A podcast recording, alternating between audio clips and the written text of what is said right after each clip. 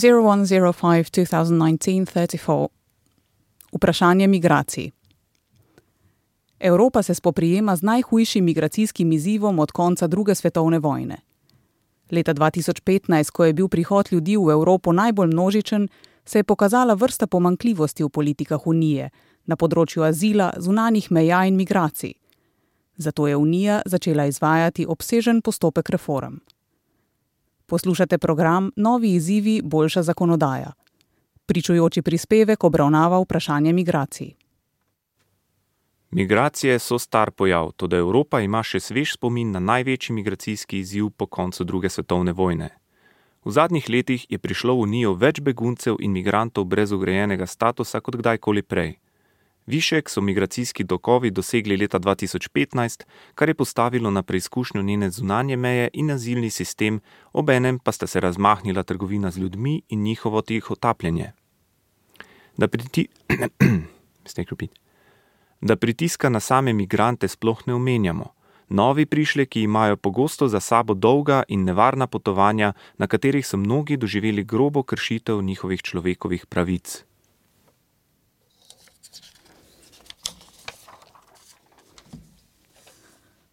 Do konca leta 2018 so migracije nekoliko uplahnile, pokazale pa so se vrzeli v politikah Unije na področju azila in zunanih meja.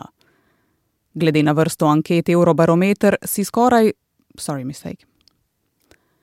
Glede na vrsto anket Eurobarometer si skoraj tri četrtine prebivalcev želi, da bi bila Unija na področju migracij dejavnejša. In kako Unija zapolnjuje vrzeli in izpolnjuje pričakovanja državljanov? Začet, Za začetek lahko uporabi skupek pravnih instrumentov. Pogodbe Unije določajo skupno politiko o azilu, priseljevanju in nadzoru zunanih meja. um, yeah, I'm, I'm not very sure here how to. Okay.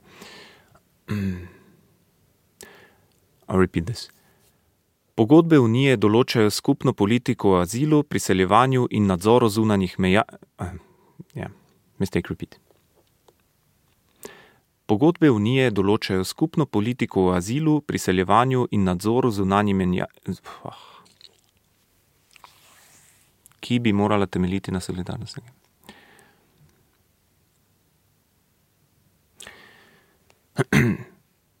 Pogodbe Unije določajo skupno politiko o azilu, priseljevanju in nadzoru zunanjih meja, ki bi morala temeljiti na solidarnosti med državami. Repeat. Pogodbe Unije določajo skupno politiko o azilu, priseljevanju in nadzoru zunanjih meja, ki bi morala temeljiti na solidarnosti med državami Unije in biti pravična do državljanov iz tretjih držav in oseb brez državljanstva. Poleg tega listina o temeljnih pravicah zagotavlja pravico do azila in prepoveduje prisilno vračanje beguncev ali prosilcev za azil v države, v katerih utegnejo biti preganjani. Vsi ukrepi, ki jih Unija sprejema, morajo biti v skladu s temi določbami o človekovih pravicah. Ko so bile migracije na višku, je Unija začela postopek reform, s katerim je prenovila migracijsko politiko in opredelila več prednostnih področji. Poglejmo si nekaj primerov. Migranti pogosto nimajo druge izbire, kot da za pomoč na poti do cilja prosijo hudodelske družbe. Sorry, mistake. Migranti pogosto nimajo druge izbire, kot da za pomoč na poti do cilja prosijo hudodelske združbe, ki jim ni mar za njihovo dobrobit. Zato je Unija začela pomorsko operacijo Sofija, s katero je prisotna na morju in lažje razbija mreže, ki tih otapijo ljudi, ter skrbi za večjo varnost beguncev in migrantov. Stališče Evropskega parlamenta je zelo jasno. Ena najpomembnejših nalog je preprečiti smrtne žrtve. Eden največjih dosežkov Unije pri tem je bila ustanovitev Evropske agencije za mejno in obalno stražo, znane tudi pod imenom Frontex. Agencija, ki je bila v rekordnem času ustanovljena septembra 2016, nudi pomoč pri varovanju zunanjih meja, nacionalnim agencijam pa pomaga upravljati migracije ter pri iskalnih in reševalnih akcijah skrbi tudi za to, da posamezne države Unije prejemajo prilagojeno pomoč, s katero lažje obravnavajo migracije. Grčija in Italija, kjer je pritok največji, prejemata. Sorry, mistake. Grčija in Italija, kjer je pritok največji, prejemata operativno podporo po tako imenovanem pristopu za žariščne točke. To pomeni, da žariščne migracijske točke prejemajo dodatno pomoč pri ugotavljanju istovetnosti in registraciji prosilcev za azil ter zagotavljanju ustreznih pogojev za sprejem.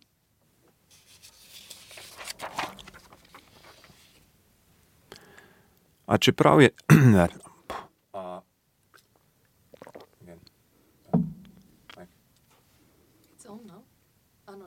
Here, yeah, thanks. A čeprav je notranja podpora nujna, je. Mistake repeat. A čeprav je notra. Oh. repeat. A čeprav je notranja podpora nujna, je neizogibno tudi zunaj. repeat.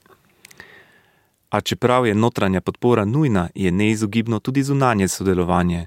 V desetletnem obdobju je bilo 65 milijonov evrov sredstev Evropske unije namenjenih za projekte, s katerimi se migranti ponovno vključijo. Repeat.